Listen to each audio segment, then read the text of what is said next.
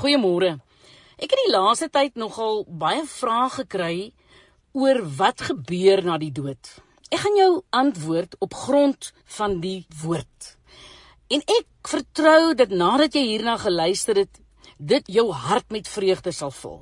Kyk, die Bybel sê besonder baie oor wat met mense gebeur onmiddellik na hulle afsterwe. En een besonderse verhaal wat Jesus vertel, werp veel lig op hierdie saak. Kyk, Jesus het aan die Fariseërs die verhaal van die ryk man en die bedelaar Lazarus vertel. Toe die bedelaar sterf, is hy deur die engele weggedra na die boesem van Abraham.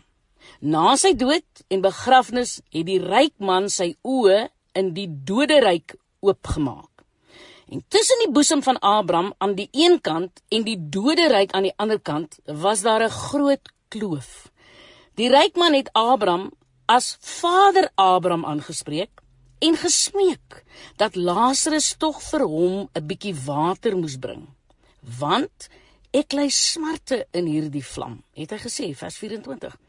Toe Abraham verduidelik dat dit onmoontlik was weens die kloof wat hulle bewegings beperk het, het die ryk man na sy vyf broers op aarde verwys. Hy het gevra dat Abraham vir Lazarus terugstuur aarde toe om hulle te waarsku sodat hulle nie ook in die plek van pyniging kom nie. Abraham se verweer was dat die broers vir Moses en die profete het om na te luister. Nou die ryk man wou egter dat iemand uit die dood opstaan en met hulle gaan praat. En Abraham het geantwoord dat as hulle nie na Moses en die profete luister nie, sou hulle ook nie oortuig word nie al sou iemand uit die dode opstaan. Gaan lees daarvan in Lukas 16 vers 19 tot 31. Nou uit hierdie verhaal leer ons 'n aantal lesse. Eerstens, mense lewe nadat hulle gesterf het. Al rus hulle liggame in die graf, lewe hul gees. Dit is hul innerlike mens na die dood. Die wat gesterf het, het in die doderyk met mekaar gesels. Die Bybel vertel van die geeste van die volmaakte regverdiges wat in die hemel by God is en wat daar aan feestelike bedrywighede deelneem. Gaan lees daarvan in Hebreërs 12 vers 23. Nou, tweedens, mense is na hulle afsterwe bewus van wat met hulle gebeur. Hulle weet selfs wat op aarde aangaan. Na sy dood het die ryk man geweet dat hy 5 broers op aarde het. Dit is ook waarom die siele van die wat gedood sal word en onder die altaar in die hemel vertoef met God oor die straf van die goddelose op die aarde praat. Openbaring 6:9 en 10.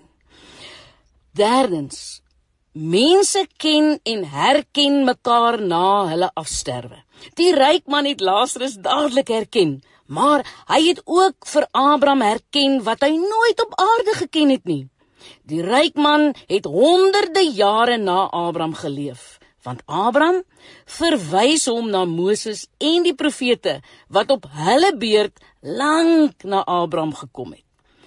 En op dieselfde wyse het Petrus vir Moses en Elia op die berg van verheerliking herken, Matteus 7 vers 4. Petrus het nooit die twee op aarde geken nie, maar jong toe hy hulle daar by Jesus sien staan, het hy dadelik hulle herken. So sal dit ook met ons wees. Ons sal almal ken. Die skrif sê, want nou sien ons deur 'n spieël in 'n raaisel, maar eendag van aangesig tot aangesig. Nou ken ek ten dele, maar eendag sal ek ten volle ken, net soos ek ten volle geken is.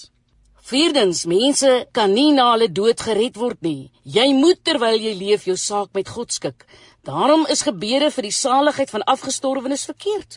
Sommige mense laat hulle selfs in die plek van die afgestorwenes doop in die hoop dat dit so eensalig sal maak. 1 Korintiërs 15 vers 29. Dit is teenstrydig met die woord van God, want jy moet vandag as jy God se stem hoor, jou hart nie verhard nie. Is dit nie wonderlik nie? Ek vertrou dat hierdie kennis jou vrede sal gee as een van jou geliefdes jou reeds vooruitgegaan het. Ek is Lenet Beer vir Radio Kansel.